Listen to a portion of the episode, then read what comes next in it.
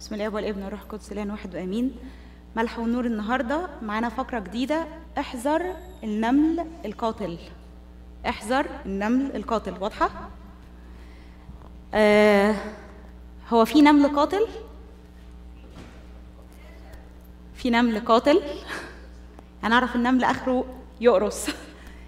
حد سمع قبل كده عن النمل القاتل؟ النمل القاتل عندنا النون نقد والميم. الميم مقارنة واللام لوم.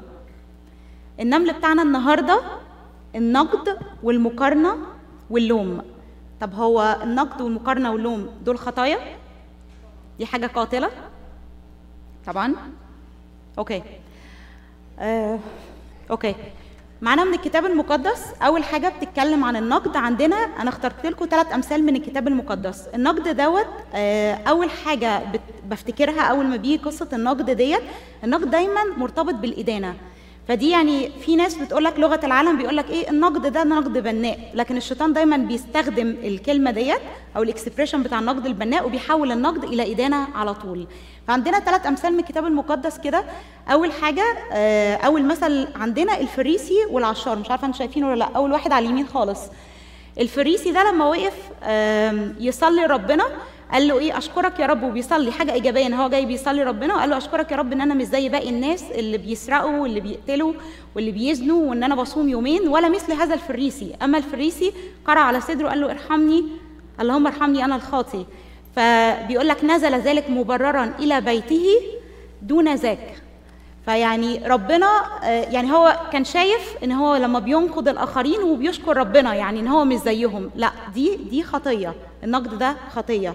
السيد المسيح نفسه لما جات له المرأة الخاطية آم، بقاروره الطيب وغسلت رجله آه، وسمعان الفريسي بدأ إن هو ينقد ربنا في تفكيره ويقول لو كان هو ده نبي بحقيقي كان عارف مين الست ديت اللي جاية فده نقد ده كان كان بينقده وده حاجة غلط. وربنا لما عرف بفكره رد عليه واداله مثل على طول أما هي فكان مغفور لها خطاياها. آه، تالت مثل معانا كان المرأة الزانية أو اللي أمسكت في ذات الفعل آه، كل الناس كانوا بينتقدوها ورايحين يدينوها ورايحين يرجموها. أما السيد المسيح قال لهم من كان منكم بالخطية فليرجمها أولا بحجر. فده أول حاجة عندنا أول حاجة أول نون النقد دايما النقد ده مرتبط بالإدانة. فلازم نحذر جدا من النقد وما نقولش إن ده نقد بناء. دايما الشيطان بيستخدم ساعات الكلمات العادية وإن هو بيحولها. فدي يعني خميرة صغيرة كده أهوت. هو بيزرعها وبعد كده أنتوا عارفين الخميرة بتبقى صغيرة لكن لما بتحط في العجين بتخمر وبتبقى كبيرة جدا. تاني حاجة المقارنة. عندنا أمثلة برضو على المقارنة من الكتاب المقدس. في ناس تقول لك المقارنة دي حاجة إيجابية يعني تحفيزية مقارنة تحفيزية. لكن لو فكرنا كده كان في أمثلة من الكتاب المقدس. ناس قارنت بعضها ببعض. المقارنة دايما تؤدي إلى الحسد وساعات القتل. عندنا برضو ثلاث أمثلة ممكن ما يكونوش واضحين قوي بس هقوله لكم. أول حاجة عندنا إسحاق لما كان ساكن وسط الفلسطينيين. وربنا باركه بارك بارك في زرعه وبارك في غنمه وبارك في كل حياته. فبدأ ال- الفلسطينيين يبصوا لحالته وحالتهم ويبدأوا يقارنوا. فلما قارنوا غاروا. ولما غاروا حسدوه. أول حاجة عملوها إيه؟ طموا الأبار اللي ابوها اللي أبوه بناها أبونا إبراهيم طموا الأبار طموا الأبار يعني ردموا الأبار. ودايما القصة دي فيها حتة رمزية. دايما الشيطان بيعملها معانا. ال- البير فيه مية والمية تمثل روح القدس. فأول حاجة عملوها لما غاروا وحسدوه إن هم إيه؟ حاولوا يوقفوا عمل الروح القدس. ودايما الشيطان يبدأ يلعب معانا اللعبة ديت يوقف عمل الروح القدس في حياتنا. آه تاني مثل عندنا داوود وشاول لما كانوا في ساحة المعركة والنساء تغنوا وقالوا آه ضرب إيه؟ قولوا. أيوه. ضرب شاول ألوفه وداوود عشرات ألوفه.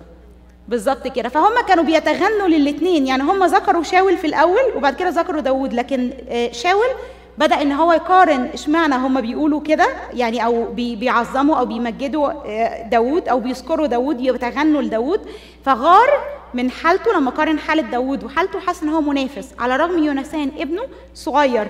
كان ممكن يشوف إن داوود هو منافس ليه على الملك أكتر من أبوه لكن أبوه هو اللي كان خايف على الملك وبدأ بالمقارنة وإن هو يقارن حالته بحالة داوود. آه، تالت حاجة طبعا تالت قصة أنتوا عارفينها يوسف وإخواته. يوسف حب أبوهم ليه؟ كان شكله عامل إزاي؟ لما بدأوا دخلوا في المقارنة ويقارنوا ما بين حب ابوه ليوسف وحب أبوهم ليهم بدأت الغيرة تاكلهم وحسدوه ورموه في البير. وانتوا عارفين طبعا بقية قصته.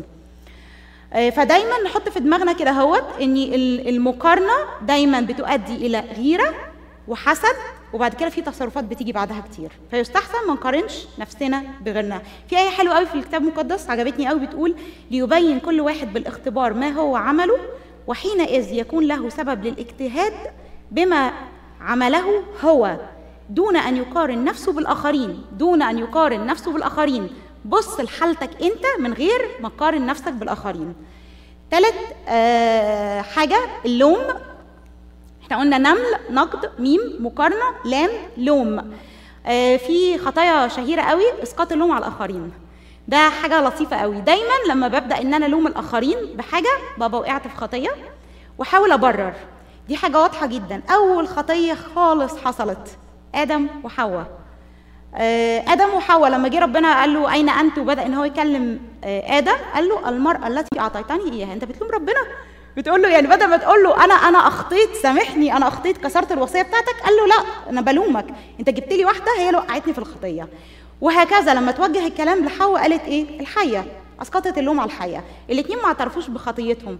فدايما اللوم لما نبدأ في قصة اللوم ديت سلسلة آه، اللوم ديت دي بتبقى نتيجة الخطية. المفروض إن أنا أعترف بخطيتي الأول وأبص لنفسي قبل ما ألوم الظروف اللي حواليا. لأن اللوم ده ممكن يكون لأشخاص ممكن يكون للشغل ممكن يكون لمديري في العمل ممكن يكون للظروف اللي حواليا فبتخليني أقع في خطايا. لكن الشيطان بيطلع لي مخرج يقول لي لا لومي الظروف لومي الأشخاص لومي الناس التانية. بس ما تلوميش نفسك. في مثل الابن الضال أول ما الابن الضال رجع لأبوه أبوه فرح بيه وعمل له وليمة الابن الأكبر قال له إيه؟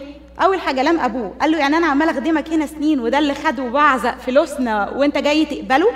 طب انت ما فكرتش في نفسك ان خلال السنين دي اللي حصل هو ما شافش لنفسه ولا خطية؟ هو شاف ان هو كان بار لأبوه طول السنين دي خالص ما بصش لنفسه. كل اللي عمله ان هو بدأ يلوم أبوه هو ليه بيعمل كده؟ مع ال- الأخ الصغير. المفروض هو يكون فرحان برجوع أخوه ليهم لأن ده عودة الابن الضال. آه، تالت حاجة خالص السيد المسيح كان ادانا مثل حلو قوي لما بطرس أنكره ثلاث مرات. فالمسيح لما جه ما جاش لامه قال له لما شافه قال له شفت أنت أنكرتني إزاي؟ أنا قلت لك هتنكرني أول ما مسيح ديك هتنكرني ثلاث مرات. لا قال له حاجة عاتبه بحب قال له إيه؟ أتحبني ارعى غنمي أتحبني ارعى خرافي أتحبني ارعى غنمي. فكلمه بمحبة. فربنا بينهينا برضو عن اللوم. يعني أنت لا تلوم الآخر ولا آه، تنشغل بإسقاط اللوم على الآخرين. فلغة العالم بتقول لك إن في نقد بناء آه، في مقارنة تحفيزية وفي لوم آه، ده عتاب. بس الشيطان بيستخدم لغة العالم ديت وبيبدأ إن هو يحولها لخميرة خطية وتبدأ الخميرة دي تنفش وتعمل لنا إيه؟ من نقد بناء تعمل إدانة من مقارنة تحفيزية تعمل غيرة وحسد ومن آه، من من لوم النفس ألوم الآخر وأسقط اللوم على الآخرين. فيا ريت لو عملناها بالعكس كده آه، لوم نفسك وبكت نفسك على خطيتك انشغل بحياتك وخطاياك واشتغل عليها دون مقارنتك بالآخرين ولا تنقض الآخرين لأنه لا تدين كي لا تدانوا. من أنت يا من تدين غيرك. دي آية حلوة قوي يا ريت نقولها كده. من أنت يا من تدين غيرك. فريت نغير النهارده. أنا عملت لكم invitation النهارده قلت لكم طبعا آه، بتقول you are invited to change فيا ريت نغير المفاهيم آه، بتاعة العالم بمفاهيم وكلمات من الكتاب المقدس. ولا تشاكلوا هذا الظهر بل تغيروا عن شكلكم بتجديد أذهانكم.